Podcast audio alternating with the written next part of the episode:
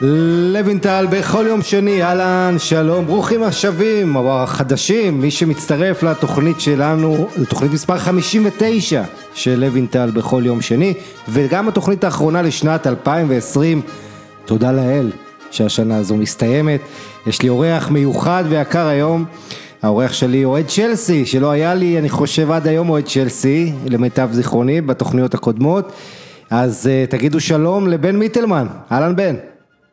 היי עמית, שלום שלום. מה, תראה, מה העניינים אה, בצ'לסי? אני מניח שאם הייתי מדבר איתך עד לפני כמה שבועות, הייתם ברצף 17 משחקים בלי הפסד, דיברו על אה, השוער מנדי וטיאגו סילבה שהפכו את ההגנה של הקבוצה, אבל אנחנו מדברים עכשיו שצ'לסי אחרי אה, בעצם שלושה הפסדים בארבעה משחקים אחרונים, הפסדים לאברטון ווולפס, אחרי זה היה ניצחון על וסטאם ועכשיו התבוסה לארסנל בדרבי, תוצאה מפתיעה 3-1 באמרייטס, אז uh, אני רק רוצה לפני שאני פונה אליך לצטט אותך, אתה אומר, uh, כותב בעצם בוואטסאפ, אם אין שיפור משמעותי בקרוב, למפרד uh, יראה את המגף מרומן, אין ולא צריכים להיות סנטימנטים, זה אותו מערך מאוס, אותן החלטות פרסונליות גרועות, משחק התקפה מקרי, אני אוסיף לציטוט שלך את קשיי ההתאקלמות של ורנר והוורץ, וכמובן בעיות הכשירות עם חכים זייש, אז סכם לי אתה, איך אתה עכשיו מרגיש כלפי צ'לסי עם כל ה-ups and downs האלה בשליש הראשון של העונה? טוב, וקשה לדעת באמת ממה להתחיל, יש המון המון על מה לדבר. אה, אני חושב שקודם כל, אם אני באמת מתייחס לציוץ הזה, אתה מכיר אותי היטב הרבה שנים, אבל למי שפחות מכיר אותי, פרנק למפרד מבחינתי זה אלוהים. זאת אומרת, אני כאוהד צ'לסי הרבה שנים, אה, לא היה שחקן שאהבתי כמו למפרד אפילו בהפרש של קילומטרים. זאת אומרת, למפרד מבחינתי תמיד הייתי, אשתי יודעת שזה המנטרה שלי, אני הייתי מאוהב בו כשחקן, אבל בגלל, לא רק בגלל היכולות שלו, אלא בגלל האינטליגנציה שלו, בגלל האופי שלו, בגלל קבלת ההחלטות שלו וה, והג'נטלמניות שלו. וזה מבחינתי המשיך כל החיים, אה, כל החיים, מאז שבאמת אני זוכר אותו כ- כילד, אה, כשהוא מגיע עם צ'לסי ולשחק נגד הפועל תל אביב בבלומפילד, ובאמת, אפשר להגיד במירכאות, ליוויתי אותו מהצד של כאוהד, וגם לעיתים אפילו כעיתונאי, ו, וגם כמאמן, אני נורא שמחתי שהוא הלך בכלל התחיל את הפרק של מאמן, אה, גם עקבתי מאוד אחרי השנה שלו בדרבי קאונטי, ועוד יותר שמחתי כמובן כשהוא הגיע להיות מאמן של צ'לסי, למרות שגם אז, אני זוכר את עצמי ואני זוכר את כולם אומרים, שזה עלול להיות מוקדם מדי. ואז כל ההקדמה הזאת היא כדי להגיד שכדי שאני אצייץ דבר כזה, אה, ציוץ כל כך ביקורתי כלפי למפרד, אתה יכול להבין באמת, א', כמה הייתי מתוסכל אחרי ההפסד לארסנל ואחרי בכלל התקופה הזאת, וב', עד כמה באמת מצבו של למפרד גרוע, זה אני אומר עכשיו את ההשקפה שלי, אם אפילו אוהד כמוני, שהוא באמת, אתה יודע, מאחרוני או מגדולי המעריצים שלו, חושב עכשיו שהוא, שהוא כל כך עושה טעויות רבות והוא כל כך איבד את הכיוון, lost the plot, כאילו זה מה שאני מרגיש. אתה יודע, בזמן שאנחנו מקליטים את זה, יש הערב משחק נגד אסטון וילה, ואנחנו יודעים איך הדברים, הדברים משתנים בטיל, כאילו, אנחנו לא כן. לא יודעים מה יהיה, יכול להיות שהערב ינתקו ושוב כל הסנטימנט כל הסנטימנט ישתנה, ותודה לאל גם, הליגה כל כך צפופה, כל הקבוצות מאבדות נקודות כל הזמן, ליברפול אתמול תיקו נגד ווסט ברום, וטוטנאם תיקו, למעשה במחזור הזה כמעט כולם, חוץ מסיטי, איבדו נקודות, תקן אותי אם אני טועה. כן, גם אברטון שקפצה למקום השני, אבל... אה, נכון, אברטון נתקע, נכון, נכון, נכון, נכון. אבל מה שאני בא להגיד, שמבחינת אה, מיקום בטבלה, ואפילו מבחינת מיקוד, המצב הוא לא קטסטרופה, זאת אומרת, תאורטית תמיד אתה יכול, הצד האופטימי כאוהד זה תמיד לחשוב שאולי מחכה איזה שינוי מעבר לפינה, ואתה יודע, שני ניצחונות ברצף ופתאום דברים נראים אחרת מכל הבחינות, אבל, אבל שוב, אם אני מסתכל על האמת, ואפרופו, אמרת ארבעה משחקים זה שלושה הפסדים וניצחון, הניצחון על וסטאם, 3-0, צ'לסי שחקן גרוע לא פחות מההפסדים, זאת אומרת, זו תקופה איומה, ואני חושב שבאמת למפרד הוא השם העיקרי בזה. מה הכי מתסכל אותך? אני יודע שאתה מאוד עצבני, אה, אחד הדברים שמתסכלים אותך זה כל ההודעות על הפציעות, ששחקן עוד מעט יחזור, ככה עוד מעט, ואתה לא יודע אם עוד מעט זה עוד שבוע, בדרך כלל זה מתברר כחודש או יותר, כן. זאת אומרת גם העניין הזה של הטיים טייבל, של לוח הזמנים לחזרת שחקנים מפציעות, אמ, גם העובדה שוורנר והוורץ עד עכשיו לא פוגעים, במיוחד הוורץ, שהשחקן הגרמני היקר בהיסטוריה, אמ, מה, איפה אתה שם את האצבע על הדברים שהכי מציקים לך עכשיו? All of the above, אבל תראה, השאלה אם צריכים לעשות הפרדה בין דברים שאני חושב שלמפרד הוא זה שטועה, לבין, אתה יודע, לדברים שאפשר כאוהד לקטר עד מחר על פציעות. אז מה האחריות של למפרד? בוא נשאל את זה יותר פשוט. אוקיי, בדיוק. אז, אז אם אני מסתכל על למפרד, אני חושב שיש פה אה, טעות אחת שזועקת לשמיים, שכל עיתונאי, אוהד, אוהד של יריבה, שם לב אליה, שזה כמובן התפקוד הלקוי של טימו ורנר, וזה לא דבר שהתחילו לדבר עליו בשני הצדדים או שלושה הצדדים האחרונים, זה דבר שקיים כבר חודשים. פרנק למפרד החליט אה, למעשה מתחילת דרכו בצ'לסי, ואגב זה בדיוק, זה למעשה מתחילת דרכו כמאמן, כי זה גם בדיוק מה שהיה בדרבי, לשחק עם מערך מאוד מסוים של ארבעה בהגנה, אה, אפשר להגיד אה, שלוש, שלושה באמצע, שלושה קשרי אמצע שלרוב שניים יותר דפנסיביים ואחד יותר התקפי, זה גם יכול להשתנות. כמובן שני שחקני אגף וחלוץ בודד. והסגל של צ'לסי, כשהוא נבנה כפי שהוא נבנה, ופה גם השאלה כמובן עד כמה למפרד היה מרכזי בעצם הבנייה, אני, אני חושב שהוא כן היה מרכזי, ואם לא אז הוא היה צריך ל, לעבוד נגד ההחתמות האלה, אה, נבנה בצורה עקובה.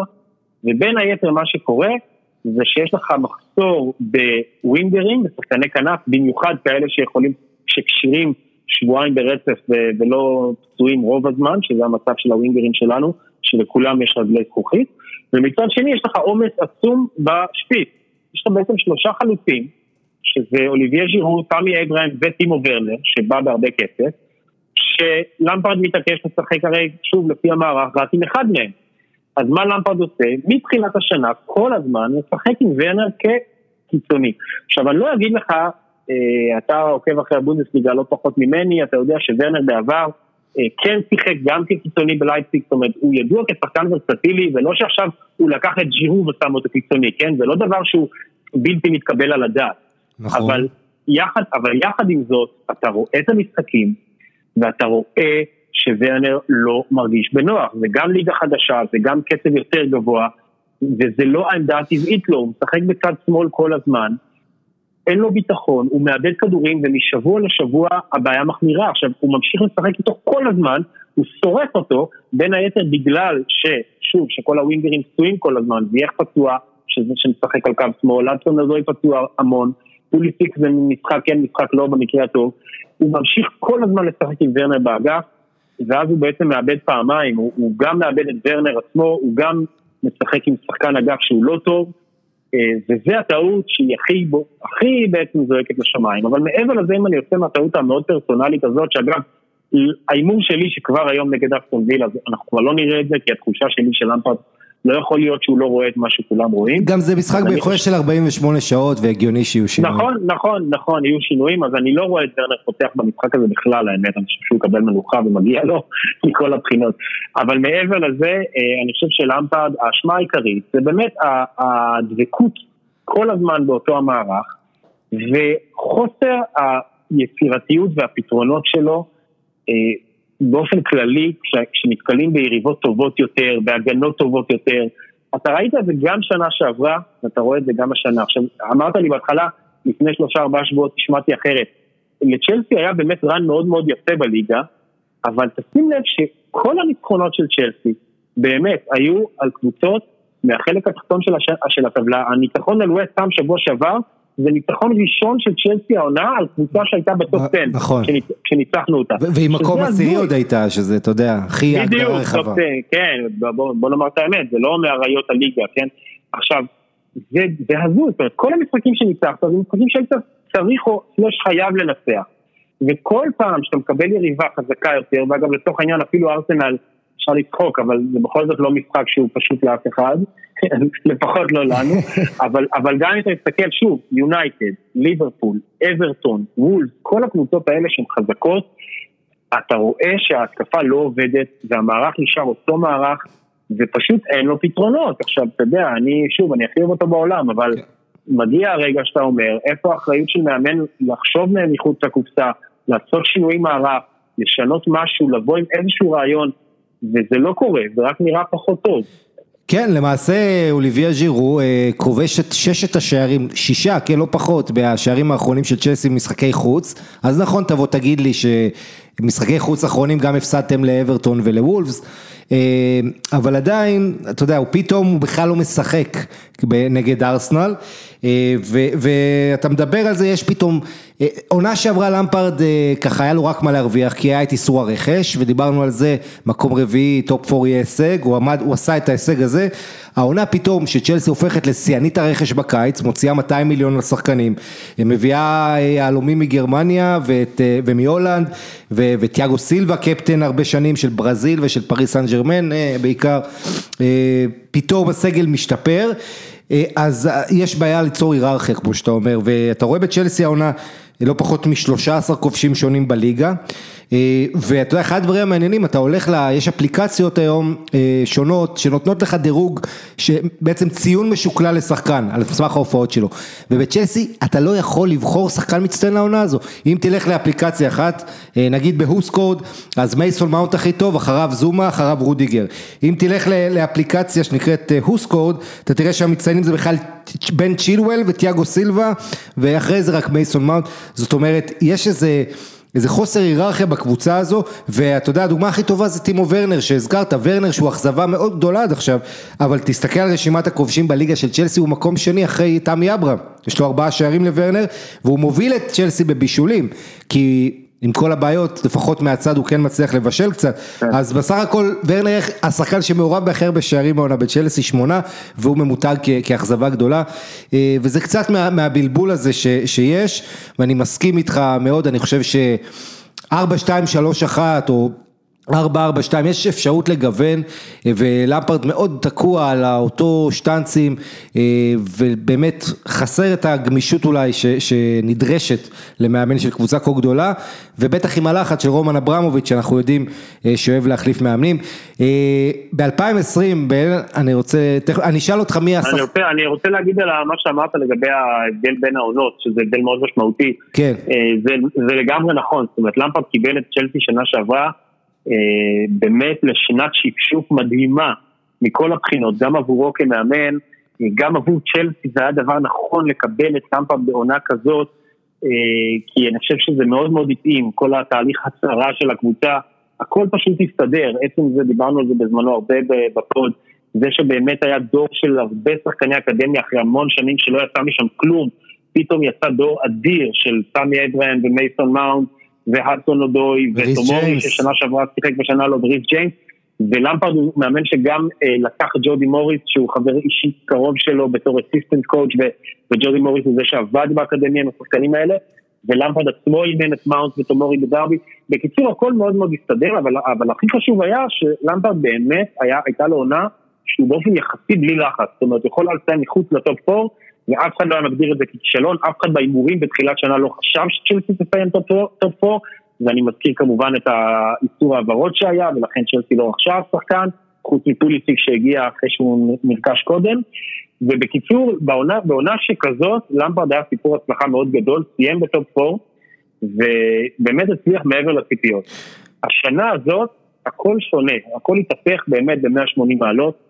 כי זאת עונה שהוא קיבל רכש חלומי ב-200 מיליון פאונד, 220, ואין מה לדבר, שאתה יודע, גם אם לצורך העניין הוא לא חייב אליפות, הוא חייב לעשות שיפור מאוד משמעותי, הוא חייב להתמודד על אליפות אפשר להגיד, ו- ומחוץ ל top four זה בכלל לא אופציה, שזה בין היתר גם, גם אה, כישלו, או מחיר ההצלחה שלו בשנה שעברה, שלא יעלה על הדעת שהוא עשה top four שנה שעברה והוא לא יעשה השנה.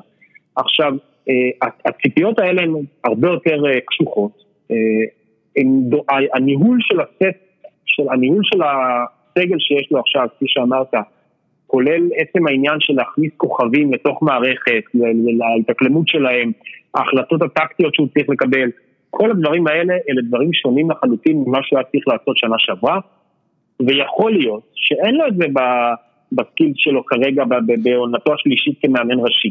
אנחנו מדברים פה על קבוצה צעירה עדיין, מאוד.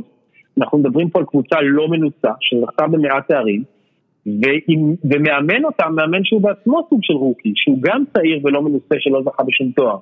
והרעיון, ההיגיון אומר וקבוצה שעברה מהפך, בן, קבוצה שאם אתה נכון. מסתכל על כל החמישייה האחורית כולל השוער, אין שם נכון. אף אחד שהיה בהרכב בעונה שעברה בעצם. אה, אתה יודע, לא צ'ילואל ולא ריס ג'יימס שתופס את המקום של אספילקווטה. ג'יימס וזומה, ג'יימס וזומה שיחקו הרבה, כן. כן, אבל לא ככה כשחקן הרכב. נכון, וגם בהתקפה הקבוצה היא מאוד השתנתה. ובקיצור, זו שנה הרבה הרבה יותר קשה מהבחינה הזאת, זאת אומרת, זה נשמע קצת אבסורד שמאמן מקבל רכש שצריך להיות מבסוט, אבל אני תמיד חוזר לזה שזה קצת מזכיר לי ב-NBA את הסיפור של דיוויד בלאט שהוא הגיע ב-NBA, ל-NBA, כי דיוויד בלאט מונה למאמן קליבלנד, אז הדבר הברור היה שהוא מקבל קבוצה, אומנם עם קיירי, אבל קבוצה שהיא רובה אה, שחקנים צעירים, קבוצה שאין בה ציפיות אפילו לעשות פלייאוף במזרח, וזה היה נראה סיטואציה אדירה בשבילו, כי אין לו המון מה להפסיד, והוא יכול לפתח קבוצה ולפתח כן. שחקנים. ואז הגיע לברון. ש... בדיוק, ואז הגיע לברון, ואז גם הגיע קווין לאב, ובבת אחת מקבוצה שאף אחד לא רוצה ממנה כלום, זה קבוצה שכל דבר פחות מאליפות זה כישלון. כן. וכמובן כל נושא ניהול ה talent וניהול האגו, שדויד בלאט לא היה בכלל, אה, לא היה לו שום ניסיון whatsoever בדבר הזה, וזה בעיניי באיזשהו מקום מאוד מזכיר את הסיטואציה שלמפארד נקלע אליה הקיץ. כן, בוא, אני רוצה, קודם כל אני אגיד לך שעם השחקן הצעיר של צ'לסי בשנת 2020 נבחר אה, ריס ג'יימס, המגן הימני, אה, ושחקן המצטיין של צ'לסי ב-2020 זה מייסון מאונט. מייסון מאונט. שזה שהוא באותו גיל שלו אה, בעצם. כן, ותוסיף את, אה, כמו שהזכרת, תמי אברהם, אדסון אודוי, אה, עוד ועוד שחקני בית במועדון הזה, ואני לא מדבר על כאלה שכן כבר עזבו למועדונים אחרים, אז צ'לסי ממשיכה עם האקדמיה שלה, וסוף סוף שחקנים שמשתלבים במועדון, שזה נקודת זכות ללמפרד, גם אם הוא יפוטר, זה משהו שלפניו אף מאמן לא הצליח לעשות, ואנחנו יודעים צ'לסי 15 שנה שרומן אברמוביץ' משקיע באקדמיה לעשות את הפאר היצירה. אז הנה מאמן שבאמת מעלה משם שחקנים. אה, תראה, בקטע הזה... אני רוצה לשאול אותך על מייסון מאונט, שאלה. אה, כן. מאונט שותף, קודם כל הוא שחקן העונה שלך עד עכשיו, אם היית צריך לבחור אחד? מהעונה, מהכוונה 2021? כן. לא, ממש לא. על מי תיאגו סילבה? מי היית בוחר? אני חושב שזה תיאגו סילבה, זו אופציה טובה, ותשמע, זייח שיחק ממש מעט, הוא בעיקר פצוע, הוא נפצע פעמיים, זאת אומרת, הוא נפצע כן. כשהוא הגיע. והוא נפטר בשבועיים האחרונים. אגב, אני מבין שהיום הוא כנראה כן פותח, ממה שאני מבין, או לפחות יעלה מהספסל, אבל uh, אני חושב שבוא נגיד פר, פר דקת משחק או פר משחק, אין מה לדבר שזה יהיה הכי טוב. כן. הקבוצה איתו ובלעדיו הייתה שונה לחלוטין. שוב, הוא גם לא נתקל הרבה ביריבות קשות, חלק בעיקר במשחקים יותר נוחים, אבל uh, בלי ספק הוא היה השחקן הכי טוב בצ'לסי העונה כשהוא שיחק. Uh, ואם זה לא הולך אליו, אז כן, אז עד עכשיו צריך להיות מישהו מהגנה, או תיאגו סילבה או מנדי. או צ'ילואל. שהוא גם כן אה, משתלב כן. טוב. אה, אגב, מאונט שותף בכל המשחקים פרט לשניים העונה, אה, אתה יודע, הוא כן. לפחות יציב, לא מאבד כדורים, מביא אנרגיות, יש לו את הכדורים החופשיים. גם למפרד מאוד מאוד אוהב אותו. כן, אימן אותו. אוטומטית איך שהגיע כל מבצע הרכש, אז אנשים חשבו שמאונט יהיה אחד הראשונים שישלמו על זה. אבל זה פשוט לא נכון, כי למפארד מרכיב אותו כמעט תמיד. הוא אימן אותו בדרבי גם, בזמנו. כן, אה, כן, כן. בוא נגיד, כמו שהזכרת, היום יש לכם אסטון וילה בסטמפורד ברידג' בבית, וביום ראשון בעצם עוד שישה ימים, מנצ'סטר סיטי. אה, המשחק הבא גם כן בבית בסטמפורד ברידג', אה, כך שרצף משחקים לא קל, כמו שאנחנו מזכירים, כשאתם בתקופה הזו, והרבה מאוד שחקנים, בייחוד בהתקפה הזכרנו, לא פוגעים. טימו ורנר לא כובש עשרה משחקים רצופים מאז נובמבר, אה, שעלה כמעט 50 מיליון פאונד לקבוצה, ועונה שעברה הפציץ 28 שערים בלייפציג. אז ורנר גם 20 בעיטות אחרונות שלו בכלל אה, לא נכנסו, וכמובן שאתה בצ'לסי, מועדון שהיו בו כמה חלוצים אה, גדולים, כן, אה, דרוגבה למשל, מפעיל עוד, עוד אקסטרה לחץ על שחקנים זרים, שחקני רכש להיות במיטבם. אתלטיקו מדריד, היריבה שלכם בשמינית גמר ליגת האלופות, אנחנו לא יודעים באיזה כושר הקבוצות יגיעו, וחוץ מטריפייר, עם השעיה בגלל ההימורים שלו על המעבר שלו לאתלטיקו מדריד, כל הסיפור הזה, אנחנו לא יודעים עדיין מי ייעדר, אבל איך אתה מעריך את הסיכויים לשמינית הגמר? תראה, זה באמת תלוי באיזה שבוע אתה שואל, כן? הדברים משתנים די מהר. אה, אין מה לדבר שאתלטיקו כרגע נראית פייבוריטית. מוליכה את הטבלה בספרד. קבוצה הרבה יותר חזקה וגם הרבה יותר מנוסה בשלבים האלה. אה, צ'לסי עובדתית שנה שעברה נגד ביירן חטפה בראש, ובדיעבד התברר שזה באמת היה מול הקבוצה הכי טובה באירופה, אבל כמו שאתה אומר, הקבוצה באמת השתנתה. תראה, אין מה לדבר שאתלטיקו פיבוריטית, אבל זה גם, אני לא חושב שזה יהיה סנסציה אם, אם היא לא תעבור. אני חושב שצריכים לחכות לראות באמת איך נראה אז באותה תקופה, מי בכלל יהיה המאמן ועד כדי כך, אי, אי אפשר לדעת מה יהיה. אני יכול להגיד לך שצ'לסי סיימה ראשונה בבית שכלל את סביליה, אה, שזה לא היה פשוט, ומן הסתם הציפייה והתקווה הייתה לקבל את הריוורד של הגרלה הרבה יותר נוחה, ואז קיבלו את ההגרלה הכי קשה שהייתה על השולחן, שזה אתלטיקו מדריד, אה, שזה תמיד קצת מבאס, אבל אלה הגרלות, ובסוף אני דווקא באמת חושב ש... אני לא התבאסתי שצ'לסי קיבלה את אתלטיקו מדריד, כי אני מסתכל על זה, אם, אם צ'לסי תעבור אותה, זה יהיה הישג מאוד גדול, הישג ראשון בזירה האירופית ללמפרד, אה, ובאמת יהיה איזה רגע מכונן כזה של העונה כולה. בהנחה שלמפרד יישאר עד אז, כן. בדיוק, בדיוק, מן הסתם, אם הוא יישאר, כמו שאמרתי קודם שאני באמת לא בטוח, אה, בטח כשאתה מדבר על שני המשחקים הקרובים, שאם הוא, לא, הוא מפסיד את שניהם חלילה, אז אני באמת לא רואה אותו מגיע לאתלטיקו מדריד. אה, ולעומת זאת, אם צ'לסי תפסיד, אז אתה יודע, באיזשהו מקום אתה אומר, שוב, זה עדיין קבוצה שהיא בבנייה, זו קבוצה שמזייפת, מפסידה לארסנל ולאברטון ולוולפס, אז זה באמת לא מאוד יפתיע להפסיד לאתלטיקו מדריד שהיא קבוצה שהיא בשנים האחרונות, אמנם התקציב שלה נמוך מצ'לסי משמעותית, אבל היא לא קבוצה, היא קבוצה שתמיד מגיעה לרמות האלה, ואתה יודע, כן. האפסייד של זה זה ש... זה שאפשר יהיה יותר להתרכז בליגה ולא לשחק פעמיים בשבוע. בדיוק. לפחות לא תנשרו לליגה האירופית, זה מה ש... בדיוק, בדיוק. כן, אני, אני אגב הולך עם צ'לסי, אתה יודע, אנחנו כמובן... אה, אנחנו עוד לא יודעים איך הקבוצות יגיעו ויש הבדל בין המשחק הראשון לשני כי זה שלושה שבועות בין הבית, בין המשחק הראשון לגומלין אבל אני הולך איתכם אה, דווקא בעימות הזה, הרוב צריך להגיד רוב הפרשנים הלכו עם אתלטיקו, אני יש לי איזה אמונה מסוימת בצ'סי גם בגלל שאתלטיקו השנה מאוד מושקעת במאבק האליפות. אה, בכל מקרה אז נתקדם לפינה הבאה, בן אתה ממשיך איתנו? בן ויטלמן אוהד צ'לסי וחבר יקר, תודה רבה על התובנות האלה ועל השתתפותך בפודקאסט. בשמחה, בשמחה, היה תענוג. תענוג. אה, חברים וחברות, אה, אני אמשיך אה, מכאן עם הפינות הרגילות. יש לי עוד מעט את פינת פורטוגליס, אבל לפני כן פינת עשה לי את המחזור, ואני דווקא מנצל את ההזדמנות שבעצם היה לנו רק מחזור פרמייר ליג לדבר עליו, שאר הליגות הגדולות בפגרת חג המולד. ואני, פינת לי את המחזור לא תהיה מהפרמייר ליג ולא תדבר על אף אחד מהמשחקים, אלא על uh, uh, הרעיון של לאו מסי נותן בספרד ומדבר בפתיחות וגילוי לב uh, נדירים, שאנחנו לא רגילים לשמוע ממסי, בדרך כלל כל הקריירה הרעיונות איתו הם קצרים, משמימים, הוא לא באמת אומר כלום, אבל... לאו גם בגיל 33, עם כל הניסיון שהוא צבר, עם השנה האחרונה הקשה שלו אה, בברצלונה, השמונה שתיים שהקבוצה חטפה מביירן מינכן, כמובן כל מה פרשיית הבורופקס והרצון שלו לעזוב ומסי בישירות אומר ששום דבר לא השתנה במועדון ובאמת אולי חבל שהוא לא עבר ומדבר על כך שהעתיד שלו הוא לא פוסל אה, מעבר ל-MLS אה,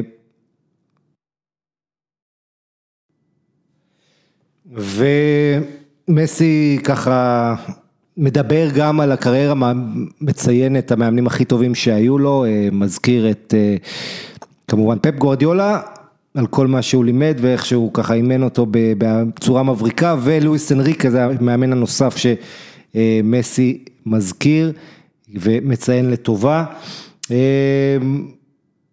הוא מודה מסי שהוא עוד לא יודע מה הוא יעשה, יחכה עד סיום העונה, צריך להזכיר, החוזה של מסי נגמר בעצם בסיום העונה, כך שמינואר הוא חופשי לדון לגבי אה, עתידו, אה, יש שמועות גם על פריס סן ג'רמן, גם על מאצ'סטר סיטי, אה, כמי שעשויות לנסות לפתות את הארגנטינאי, כמובן בצל הבחירות בברצלונה, שיערכו בחודש, בעצם בינואר, עוד שלושה, כשלושה שבועות, קצת יותר. והמעניין גם על ה... אתה יודע, מעניין החוויה שמסי מדבר על לשחק ב-MLS בארצות הברית אה, ולא פוסל את הרעיון הזה על הסף, יחד עם זאת הוא לא נשמע כל כך נלהב אה, לעשות את זה. אה, ומסי מדבר על כל הסיטואציה שלו באמת בצורה כנה, על העזיבה של לואי סוארז. כל ה... כמה זה היה נראה לו מטורף, אה, ו... וכל העניינים האלה מסביב. אה, בוא נגיד ככה, הרעיון שגם מבינים ממנו שאין כרגע בברצלונה איזה דמות, בואו נזכיר שכרגע אין בעצם נשיא לברסה שבאמת יש איזה ממלא מקום זמני, קרלס טוסקץ עד לבחירות ויש שם ככה קצת בלאגנים, אבל אה, זהו קרדיט לג'ורדי אבולה, מי שראיין אותו. אה, וככה הוציא ממסי את הפנינים האלה, ואם אנחנו מדברים על מסי, אז שימו לב מה קורה בברזיל, אתם יודעים שמסי השווה את השיא של... של פלא בעצם וגם עקף את פלא, לפלא היו 643 גולים במדי סנטוס, זאת אומרת במדי קבוצה אחת, מסי לאחרונה חגגנו כולם את זה שמסי הגיע ל-644 גולים, עקף אותו כשיאן כל הזמנים בתור כובש בקבוצה אחת, חברת בדווייזר, חברת הבירה האמריקאית, הוציאה בעצם לכל השוערים שספגו ממנו בירות עם המספר של השער שמסי כבש מולם, איזה טריק שיווקי באמת מבריק.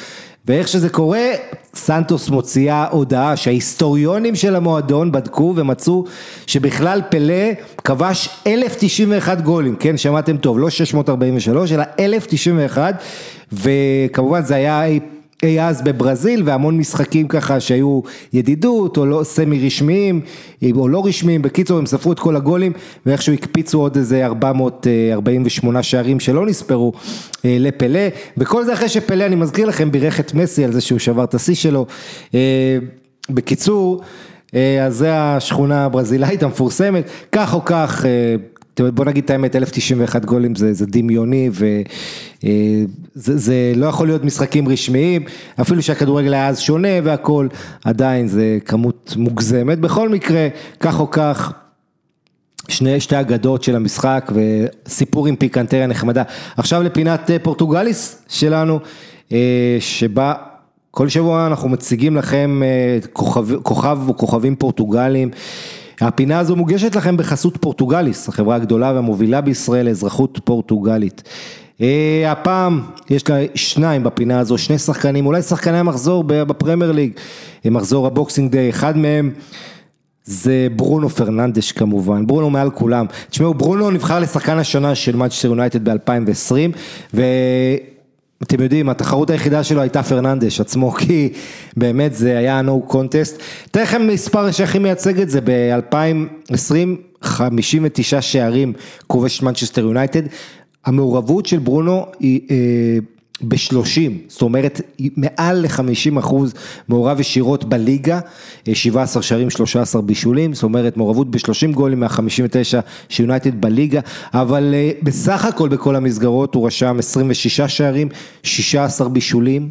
מספרים מטורפים מאז שהגיע מספורטינג ליסבון, היה איתו ראיון אחרי, אה, בעצם לערוץ מנצ'סטר יונייטד עם הכוכב הפורטוגלי, אה, שאמר אה, שהמטרה שלו זה לסיים עם יותר שערים ובישולים מהופעות העונה, זאת אומרת שיהיה יותר גבוה כמות המעורבות שלו בגולים.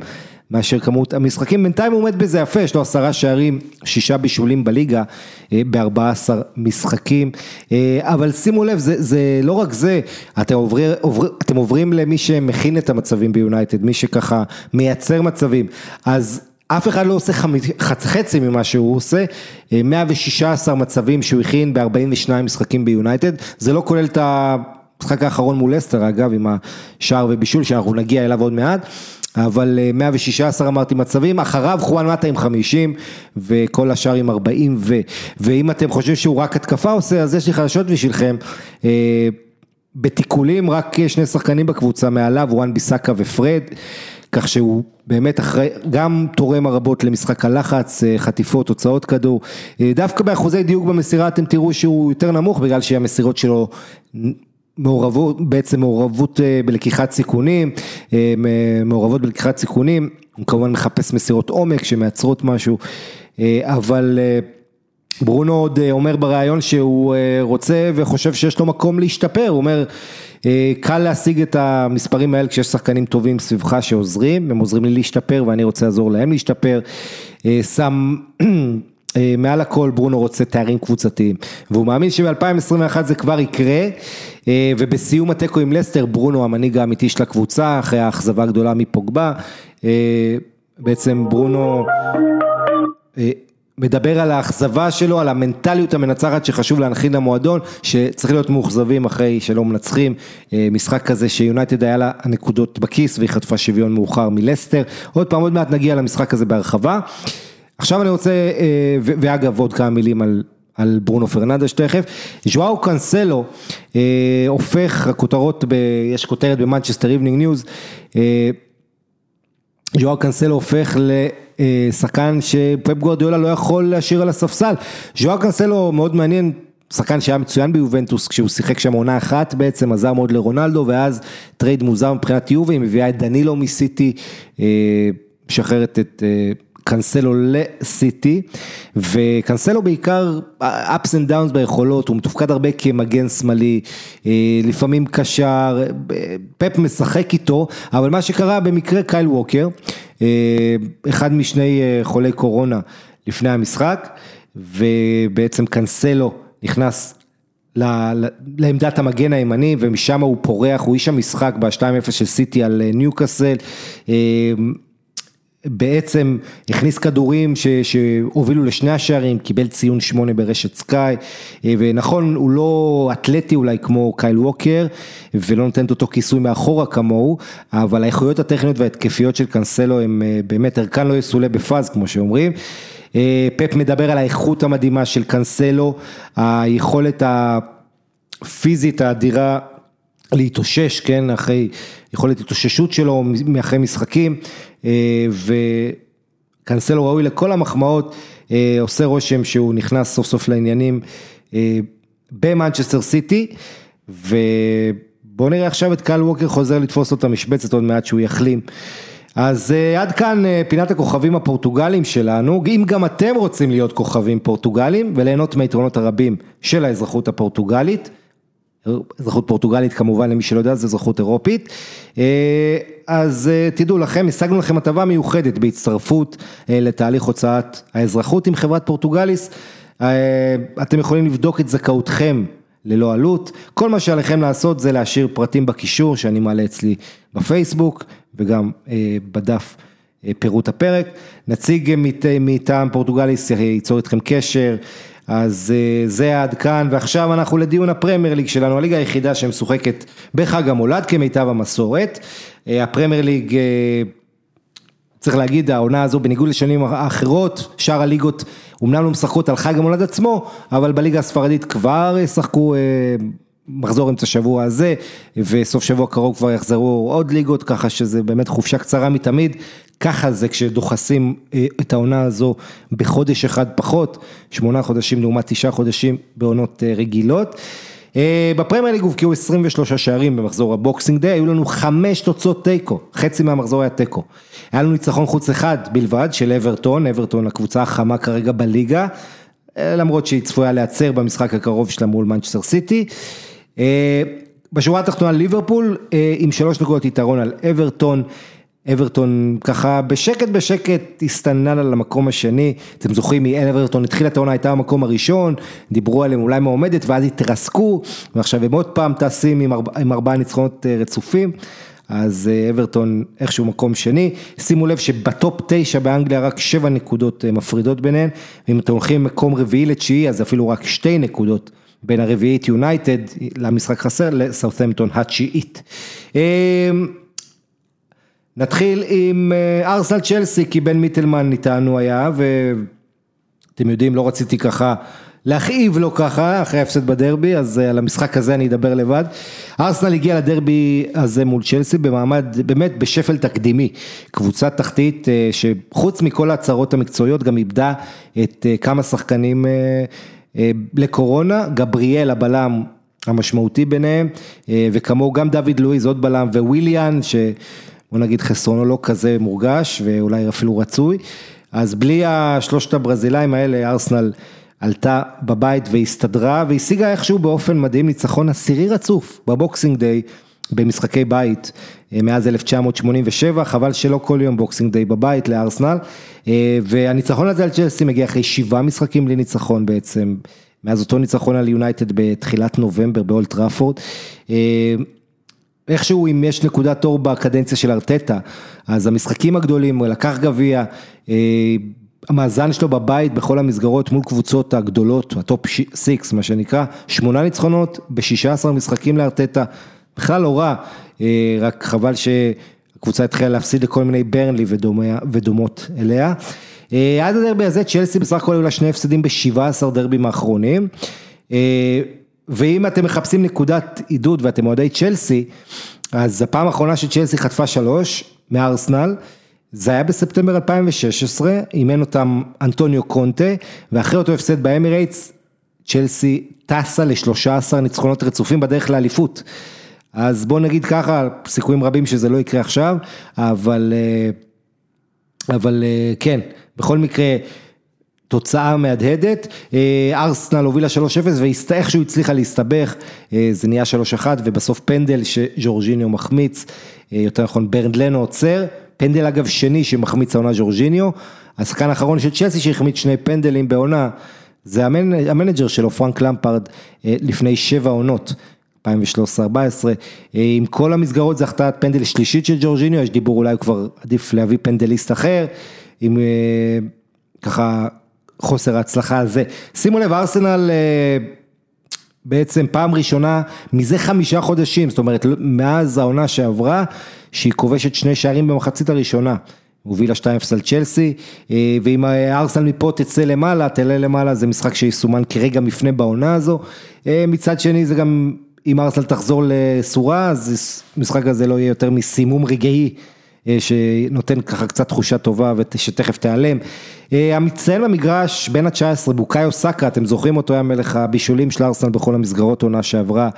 אה, סאקה קבע את ה-3-0, גול מאוד חשוב שהגיע בדקות, תחילת המחצית השנייה, צ'לסי עושה חילופים, שני חילופים, הדסון אודוי נכנס, גם ז'ורג'יניו, שניהם הופכים קצת את השיווי משקל, צ'לסי לוחצת, מגיעה למצבים, ואז...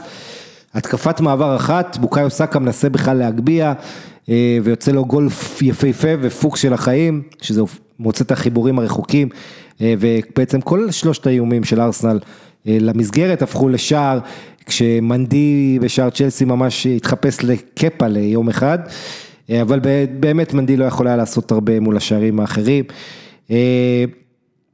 גם לא מול הבעיטה חופשית הנהדרת של צ'אקה, שעשתה 2-0 אה, ממש לפני ההפסקה, ועשר דקות לפני כן, דקה 35 היה פנדל, אחרי טעות של ריס ג'יימס שהפיל את טירני, אה, וככה לא ידע לשחרר מהאגו שלו, אז נדבק אליו טירני, אה, נפל בצורה חכמה, צריכה את הפנדל, אז ארסנל מביסה, לא מביסה, אבל עולה ל-3-0 עד ל... שבסוף תמי אברה מצמק מבישול של אדסון אודוי, פנדל שאם הוא היה נכנס של ג'ורג'ינו דקה 90, היה לנו חמש דקות אחרונות מרתקות בתוספת הזמן. אבל כל זה לא רלוונטי, שלוש אחד לארסנל, שימו לב כמה נתונים מעניינים שמראים אה, למה ארטטה צריך לתת צ'אנס יותר להסתמך על הצעירים שלו. גבריאל מרטינלי שחזר בעצם להרכב בליגה אחרי הפציעה הארוכה שלו, הוביל את ארסנל בתיקולים עד שהוא הוחלף, היו לו שלושה כאלה. אמיל סמית רו, עוד שחקן בית אה, צעיר, אה, שבעצם נת... קיבל צ'אנס כמספר עשר, אה, קשר התקפי, הוביל את ארסנל בחילוצי כדור וביצירת מצבים, וארסנל סוג של נקמה בצ'לסי על זה שהביאה לה את וויליאן. שלא פוגע. אגב, סאקה, בוקאיו סאקה עצמו אומר, גדל, גדלנו יחד, אה, כל הצעירים, הוא מדבר במועדון, יש לנו תשוקה למועדון הזה, לארסנל, אנחנו רוצים לגרום אושר לאוהדים, ויש הרבה דיבור עכשיו שארטטה צריך יותר ללכת על הצעירים, לתת להם צ'אנסים, בואו נקווה שהצעירים האלה לא יפגינו חוסר יציבות, מה שבדרך כלל קורה עם אה, צעירים. אה, ובעצם אין, מייסון מאונט עם התגובה הכי טובה בצ'לסי, דורש מעצמו ומחבריו לחזור לעצמם כבר במשחק הבא היום מול אסטון וילה. אה, למפרד עצבני מאוד בסיום המשחק, אה, מותח ביקורת על השחקנים שלא עבדו קשה מספיק, שבאו בגישה לא טובה, אה, דיבר כמה הם רחוקים מלמצוא יציבות, אבל למפרד פשוט מרגיש את הלחץ והוא יודע שהתוצאות לא טובות לאחרונה, ההופעות לא טובות, אז בואו נראה מה, צ'לסי, איך צ'לסי יוצאת מההפסד המביך הזה, ובואו נתקדם הלאה. משחק מרתק היה לנו בין ליברפול לווסט ברומיץ', אה, מרתק כי מחצית ראשונה בעצם עד דקה 70 זה היה חד צדדי, מחצית ראשונה צ'לס, אה, ליברפול עם, רק נזכיר, ליברפול האלופה, מוליכה, ווסט ברומוויץ', מקום לפני האחרון, שהחליפה מאמן לא מזמן, העולה החדשה. פערי כוחות ברורים, 84 אחוז possession לליברפול מחצית ראשונה, 10-1 באיומים. ומחצית ראשונה שבה ג'ורדן הנדרסון בעצם היו לו פי שניים מסירות מכל ווסט ברומוויץ' בדומיננטיות מוחלטת ואתם יודעים זה גם מה שציפינו, רק שתכף אני אגיע למשחק הזה, אחת אחת בין ליברפול לווסט ברום מיד, קודם כל אני אגיד לכם איך קלופ, יורגן קלופ סיכם את 2020, שנה מיוחדת. הגרמני קרא לה, ליברפול חגגה כמובן אליפות אחרי 30 שנות המתנה, אבל לא הייתה יכולה לחגוג עם האוהדים, אז קלופ אומר, אנשים אמרו לי, אלוהים אתם אלופים אחרי 30 שנה ואף אחד לא יכול לחגוג, אבל קלופ אומר, אני רואה את זה אחרת, אתם יכולים לדמיין כמה השנה הזו הייתה קשה אם לא היינו אלופים, השנה הזו הייתה ממש זבל עבור האוהדים וכל מי שהמועדון יקר לו. מבחינתי אומר קלופ, הקבוצה יצרה highlights בשנה מאוד מאתגרת, ייצרנו זיכרונות שלא, אני לא אשכח לעולם מסיבות טובות והוא מקווה כמובן ל-2021 טובה יותר, מי שאגב החמיא לו מאוד זה ליורגן קלופ זה ברוס גרובלר, השוער העבר האגדי של ליברפול, שממש טען שקלופ הוא התגלמות מחדש של ביל שנקלי האגדי, המנג'ר שבנה את המועדון. הוא אומר, גרובלר, אני לא יכול להסביר כמה זה חשוב לשחקן כשהמנג'ר יורד למגרש אחרי השריקה לסיום ומחבק אותך.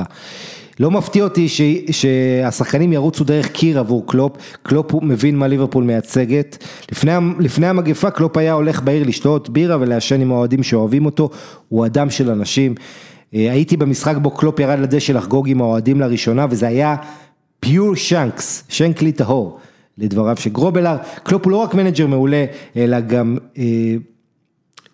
אלא גם חי בין אנשים, מבין את הציבור, יודע מה המשמעות של המועדון עבור האוהדים, כמה זמן הם משקיעים עבור המועדון, והוא פשוט התגלמות של שנקלי עם מבטא גרמני, ככה גרובלר על קלופ, ואחרי כל המחמאות האלה כנראה שזה קצת עלה ליורגן קלופ, אבל ברצינות אני רק מזכיר לכם, ליברפול הגיע אחרי ניצחון 7-0 על קריסטל פלאס מחזור קודם, אף אחד לא יכול להוכיח את זה אף פעם, אבל התחושה שלי שאם ליברפול הייתה מנצחת רק 1-0, 2-0 את קריסטל פלאס, היא לא הייתה שומטת נקודות מול ווסט ברום, הרבה פעמים אחרי ניצחון גדול, תראו גם את מנצ'סטר יונייטד שאחרי 6-2 על לידס שמטה נקודות אצל לסטר, הרבה פעמים אחרי ניצחון גדול מגיעה איזה נפילה מנטלית, זה קורה להרבה קבוצות וכל הזמן בכל העולם, בגלל זה היה מי שאמר בזמנו עדיף לנצח 7 פעמים 1-0 מפעם אחת 7-0, וכמובן נדמה לי זה היה מוטלה שפיגלר.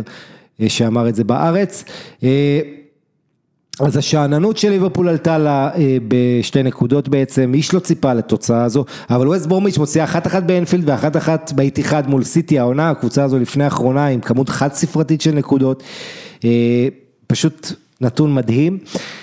ו, וזה הפער גם בין, אתם יודעים, לשחק עם ביטחון זה טוב, אבל לשחק עם ביטחון עודף, עם אובר ביטחון, זה כבר מעבר, ככה לקצה, זה כבר לא טוב, ו...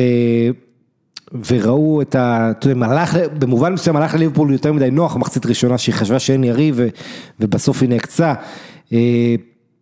אבל רק שלוש נקודות ואיכשהו הליגה עדיין פתוחה, אז כל הליגה וכל הצמרת חייבת תודה לווסט ברום, שאנחנו עדיין מדברים על העונה הזו כפתוחה, ליברפול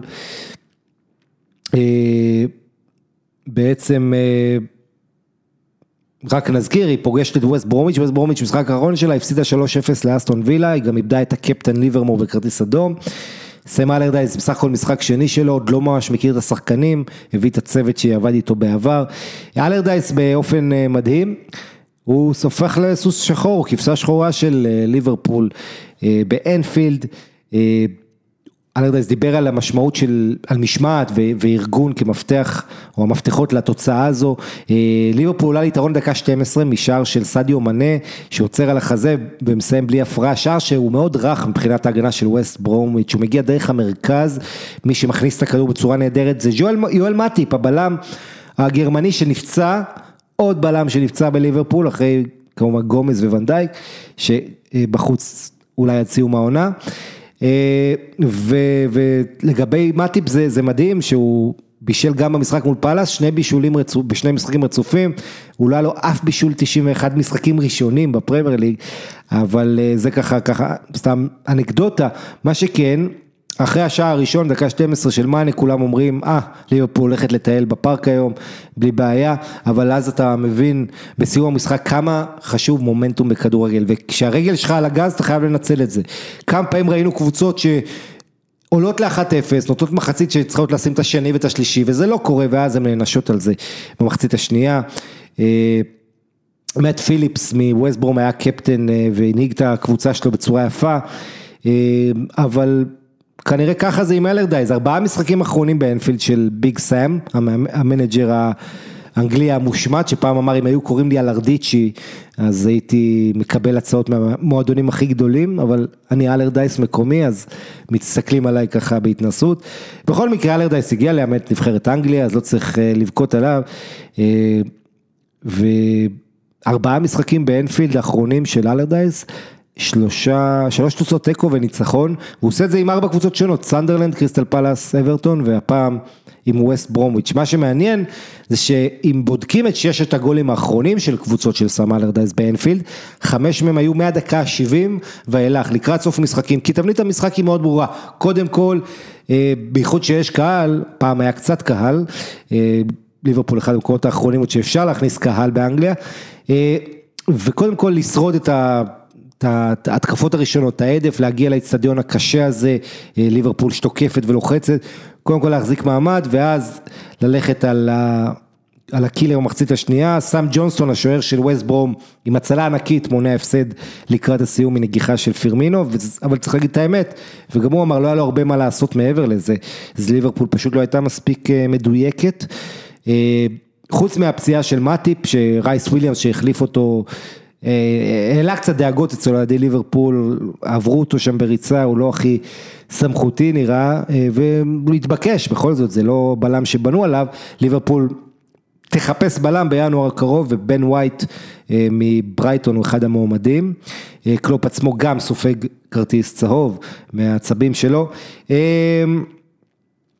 קלופ אומר יכולנו להאשים רק את עצמנו, לא חושב שמישהו יכול לצפות לצפות לקבוצה שתשחק כמו ווסט ברום במחצית הראשונה במערך של 6-4, אבל היינו בסדר. אז בוא נגיד שקלופ היחיד, אם הוא אומר את זה, הוא היחיד שלא ציפה, כי כל העולם ציפה שיהיה שם בונקר ויחנו את האוטובוס. אבל קלופ אה, באמת אה, דיבר בכנות והודה, לא, לא היינו מספיק טובים כמו שהיינו צריכים להיות, וזה הגיע לווסט ברום הנקודה, הם שמרו טוב, אנחנו לא ייצרנו אינטנסיביות במחצית השנייה. אה, ווסט ברום ייצרו שלוש מתפרצות ויותר מדי קרנות, אז הגיע להם נקודה.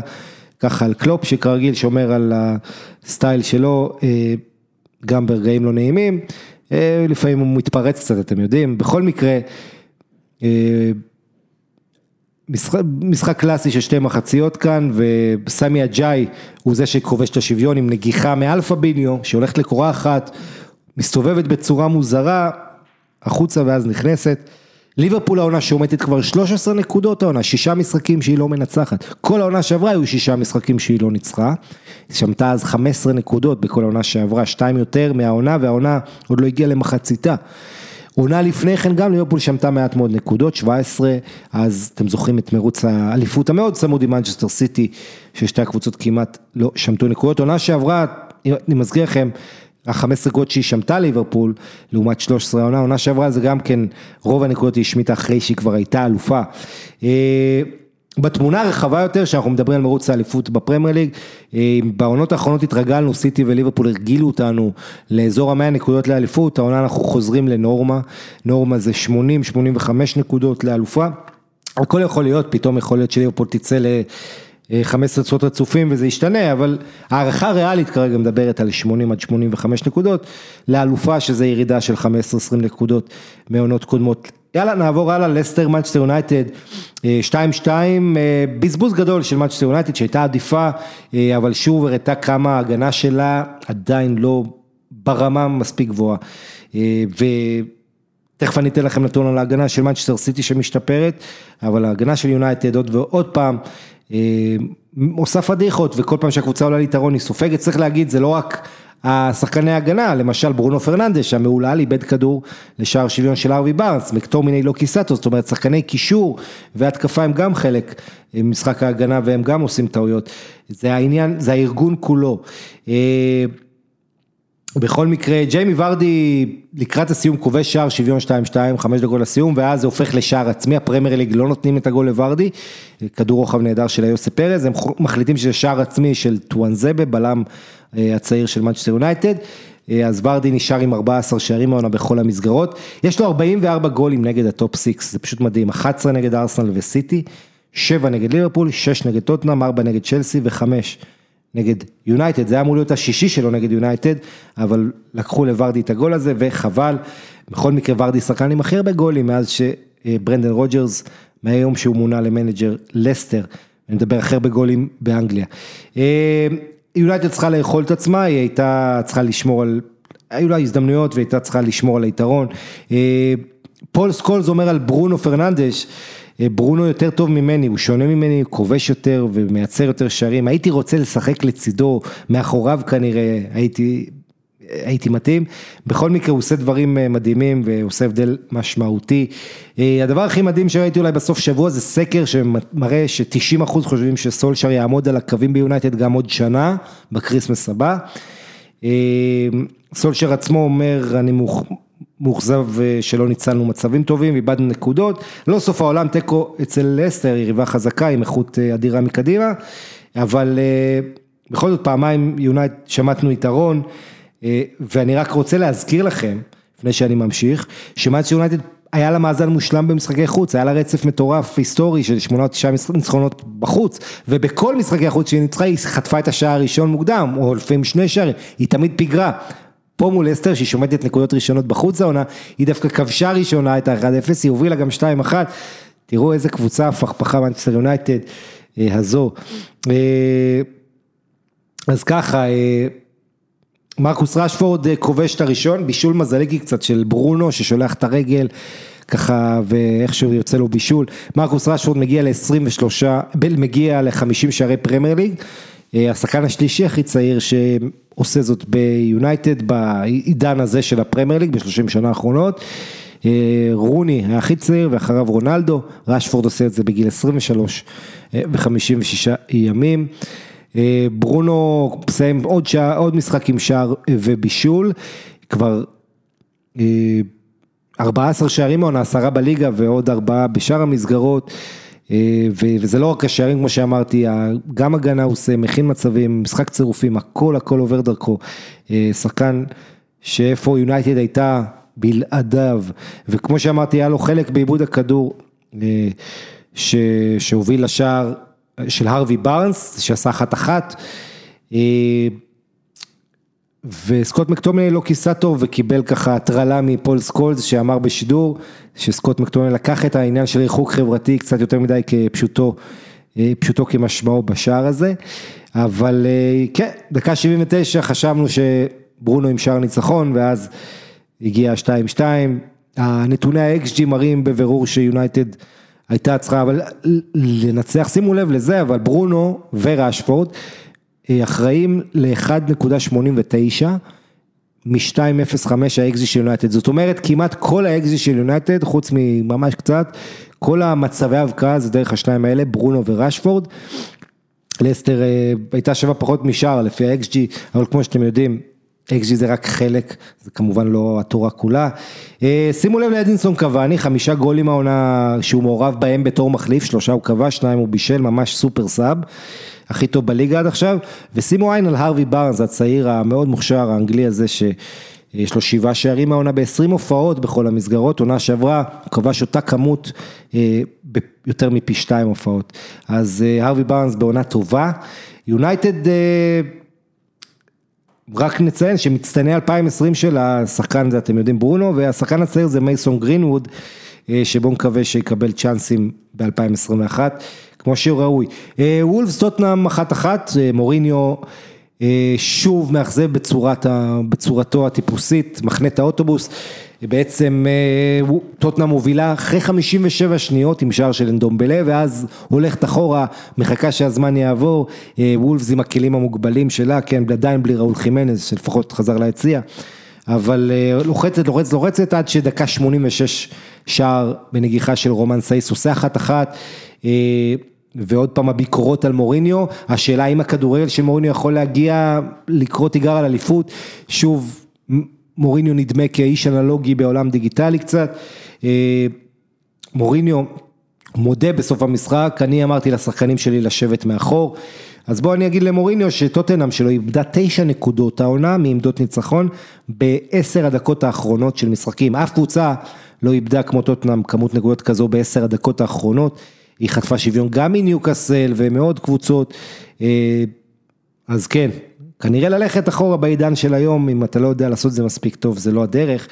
אה, לפחות טוטנאם אחרי חודש שלם מקבלת שער משחקן שהוא לא סון או קיין, אלא מאנדומבלה. אה, אם טוטנאם הייתה מנצחת הייתה עולה למקום השלישי, במקום זאת, שימו לב לזה, טוטנאם ארבעה משחקים בלי ניצחון, היא עשתה תיקו עם פאלאס, אחרי זה הפסידה ללסטר ולליברפול, ועכשיו תיקו עם וולפס. אה, שוולפס היא לא יריבה חלשה, אבל זה כן זמן טוב לפגוש אותה, היא הגיעה וולפס אחרי שלושה הפסדים בארבעה משחקים להתמודדות הזו, היא כמו שאמרנו עדיין חסרה שחקנים, פביו סילבה, הילד משחק בשפיץ, אה, הוא עדיין, רואים את הכישרון, אבל הוא עדיין לא מוצר מוגמר ויש לו עוד הרבה עבודה. אה, פדרו נטו זה שחקן שתענוג לראות אותו, אה, ניצוצות מהיכולת האדירה שלו. אבל טוטנאם מהדקה 60 לא מאיימת בכלל למסגרת, רק חושבת איך לגרד את ה-1-0 הזה. מוריניו אפילו עושה חילופים שמקבלים ביקורת, כמו להוציא את אנדומבלה האנרגטי, שקיבל מנוחה מול סטוק באמצע השבוע בגביע הליגה, שם טוטנאם ניצחה. אבל כן, בן דייוויס עם כיסוי לא טוב על רומן סייס, מאבד אותו, ואחת אחת. אה, וולפס אסרה על שחקנים שלה לעשות קניות, אה, שופינג או ללכת לסופרמרקט, כל הדברים האלה, וולפס אוסרת על השחקנים שלה בצעד מניעתי, כצעד מניעתי למנוע הידבקות בקורונה, כמו שאמרתי לכם, בארסנל שלושה שחקנים, במאצ'ר סיטי שני שחקנים, בסך הכל שבעה נדבקי קורונה בפרמייר ליג אה, בימים האחרונים. אז אה, נונו, המאמן שבעצמו ננעל מחוץ לאצטדיון והכרטיס, כרטיס עובד לא עבר לו, לא הצליח לפתוח את הדלת, אז הוא צריך ככה לאלתר. אה, ברונו אמר, אנחנו חייבים להימנע מנטילת סיכונים, יש לנו סגל קצר ובעיות עם שחקנים שבחוץ, אנחנו לא יכולים להרשות לעצמנו לאבד עוד שחקנים, יש לנו אה, צוות מטבח. שמביא קופסאות גדולות של מוצרי מזון, אז שחקנים לא צריכים ללכת לסופר, עדיף להימנע מזה. אה, עכשיו, מנצ'סטר סיטי 2-0 על ניוקאסל, אה, משערים של גונדואן ופרן תורס. שימו לב לזה, פרן תורס שבעה שערים העונה בכל המסגרות, זה הכי הרבה לשחקן סיטי, כמו רכים סטרלינג, שניהם מובילים.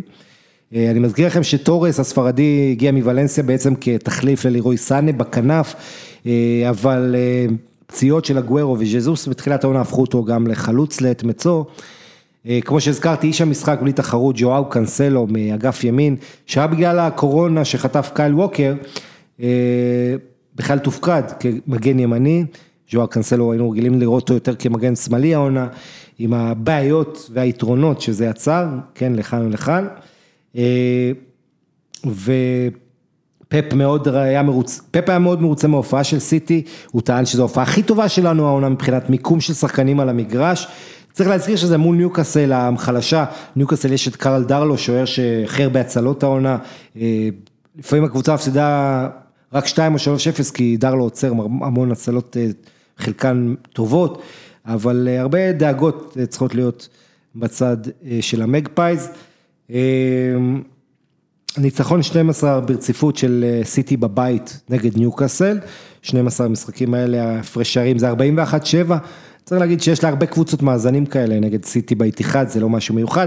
אה, מה שכן מיוחד, שסיטי רק עם 21 שערי זכות ב-14 משחקים, הרבה פחות ממה שהיינו רגילים לראות אותה, ו-16 פחות מליברפול. העונה הזו. הגוורו, סרחיו קון הגוורו עולה מהספסל, כמעט כובש שער ראשון העונה, אה, לפחות הוא מראה אינסטינקטים של חלוץ שמאוד חסרים לקבוצה של גוורדיולה.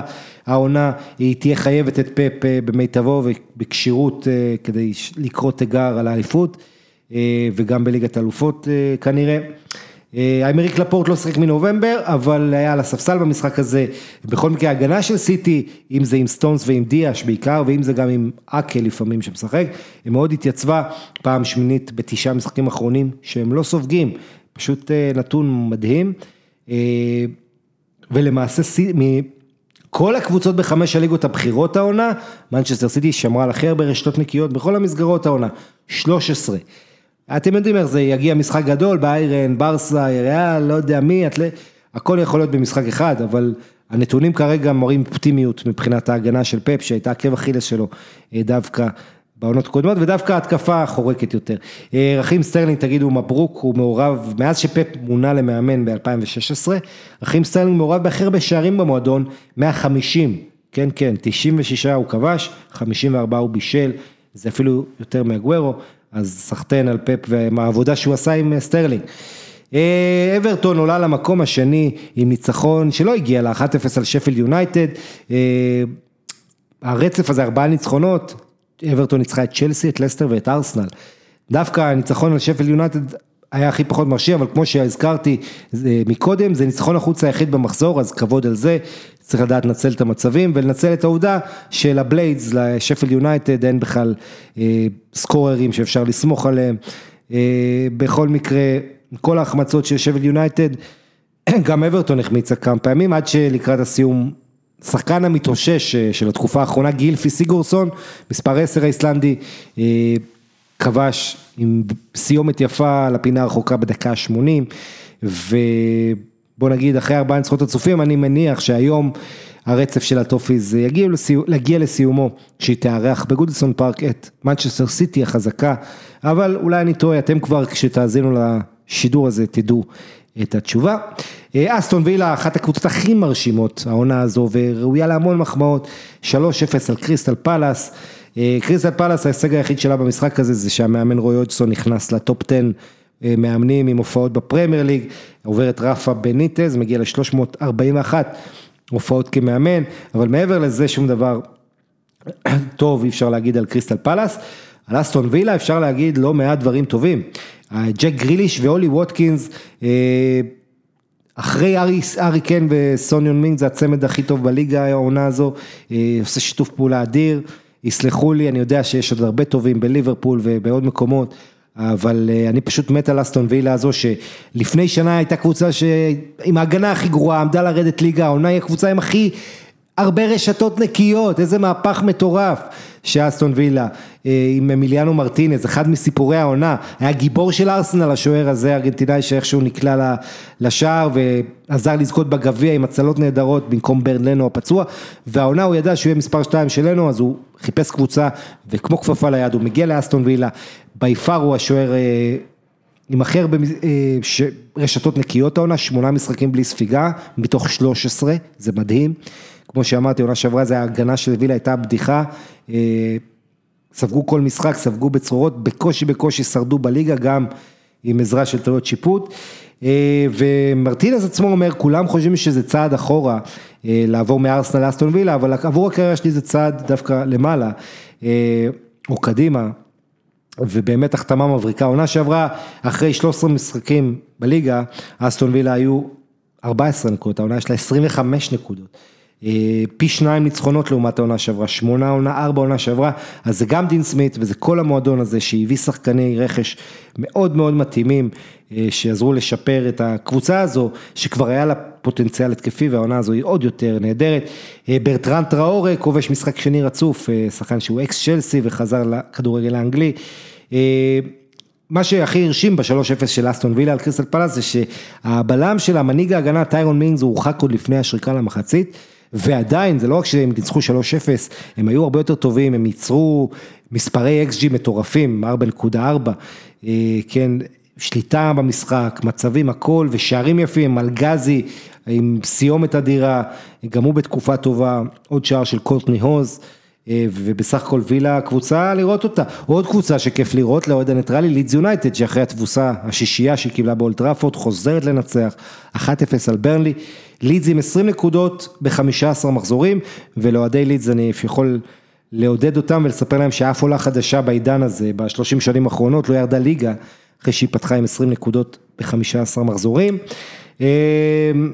האמת היא שזה היה קצת עזרה מהשופט לטעמי כי קיבלה פנדל לידס שלא מפוקפק קצת, השוער פופ הגיע לכדור אבל השופט פסק פנדל אחרי שבאמפורד נפל, פטריק באמפורד, את הפנדל עצמו אין מה להגיד, בעט אותו בצורה נפלאה מהנקודה, עם רגל שמאל שלו הקטלנית, עשרה שערים בחמישה עשרה מחזורים לבמפורד, עוד אקס צ'לסי, וברלי, בעצם נעצרה אחרי ארבעה משחקים בלי הפסד, אבל צריך להגיד שנפסל שער שוויון שהיה צריך להיות מאושר בין מי כבש ומי שעשה את העבירה היה השוער של לידס, הצרפתי הצעיר מליה, איכשהו השופט הציל את השוער, קבע שהעבירה הייתה עליו. אבל צריך להגיד, לידס הייתה הרבה יותר טובה, ניק פופ היה אדיר בשער של ברנלי מעבר לאותו פנדל, כך שבהחלט הניצחון הזה על, פני, על פי יחסי הכוחות הוא מוצדק. עוד תוצאות, וסטאם ברייטון 2-2. וווסטאם, הרבה אוהדים של ווסטאם רוצים לראות את השלישייה הזאת, בואן, אלר ובן רחמה פותחים יחד, עד כה רק פעמיים דיוויד מויס עושה את זה, ובפעמיים האלה ניצחון ותיקו יש לווסטאם, משחק לא רע שברייטון מובילה פעמיים וווסטאם משווה, כולל שוויון 2-2 בנגיחה של סוצ'ק, פולאם סאות'מפטון 0-0, וזה אלה משחקי המחזור, כמו שאמרנו יש לנו כבר היום ומחר ועד יום רביעי עוד מחזור נוסף, הרבה תלונות, חלק מהקבוצות מקבלות רק 48 שעות בין שני משחקים, חלק מקבלות עוד יום נוסף, כמו ליברפול, כמו יונייטד שנהנות מיום מנוחה נוסף, ויש לא מעט מועדונים שלא מתים על זה. אז בואו נראה מה יהיה אמצע שבוע. לסיום, אנחנו נדבר על שיאים שהולכים להישבר ב-2021. אז איזה שיאים עתידים להישבר בכדורגל, כי אתם יודעים, כל שנה אנחנו שוברים שיאים חדשים, אז קודם כל השיא שלא יהיה קורונה, שיחזור הקהל למגרשים, זה יותר חשוב מכל שיא, בוא נגיד את האמת, יהיה לנו יורו בשנה אי זוגית, שזה גם כן אה, תקדימי ומוזר ומעניין, קריסטיאנו רונלדו עם עוד שבעה שערים בלבד במדי הנבחרת שלו, נבחרת פורטוגל, ישווה את שיא הגולים הבינלאומיים של עלי די. אז תצפו, תצפו מרונלדו לשבור את שיא השערים במדעי הנבחרות, 109 יש לאלי די, הוא עשה את זה בין 1993 ל-2006 בנבחרת איראן, ולרונלדו היו לפחות 11 משחקים תחרותיים ב-2021 בשביל לשבור את השיא הזה, לכבוש את השבעה שערים שהוא צריך, וזה לא כולל משחקי ידידות. אז כן, רונלדו אמור לעשות את זה. רונלדו גם ביורו עצמו יהפוך לשחקן הראשון בהיסטוריה, בעצם לכובש המצטיין בהיסטוריה של היורו, כרגע יש לו תשעה, כמו פלטיני, שניהם מלכי השערים, פלטיני עם יורו 84 הגדול שלו, עדיין הטורניר הכי גדול, יורו הכי גדול של שחקן אחד, אותו היורו, אבל רונלדו יהפוך למלך שערי היורו בכל הזמנים. והשיא, גם שיא הבישולים הוא יכול לשבור, כרגע חסרים לו שני בישולים לשיא של קארל פובורסקי, שישה. ושוב, אני רק רוצה להזכיר, היורו טורניר שעד 1980 זה באמת היה סוג של פיינל פור כזה, זה לא באמת, זה טורניר די חדש. ובטח ובטח שעכשיו זה 24 נבחרות ויש עוד משחקים, אז מה שהיה אז עם ה... צריך צריך להבין את הקונטקסט של השיאים, אבל עדיין רונלדו, מה שהוא עושה זה מטורף. האיש הזה הולך עוד שער אחד להשוות את השיא של פלא, או שוב, השיא המקורי של פלא ולא על סמך הספירה החדשה של היסטוריונים בסנטוס, של שערים בכל הזמנים, כלומר רונלדו הולך לשבור הרבה שיאים בשנה הקרובה. אם, אם פורטוגל תגיע לגמר, שזה בהחלט יכול להיות, נוכח הכישרונות הגדולים והעוצמה של הנבחרת הזו, רונלדו יהיה הראשון לשחק בשלושה גמרים של יורו,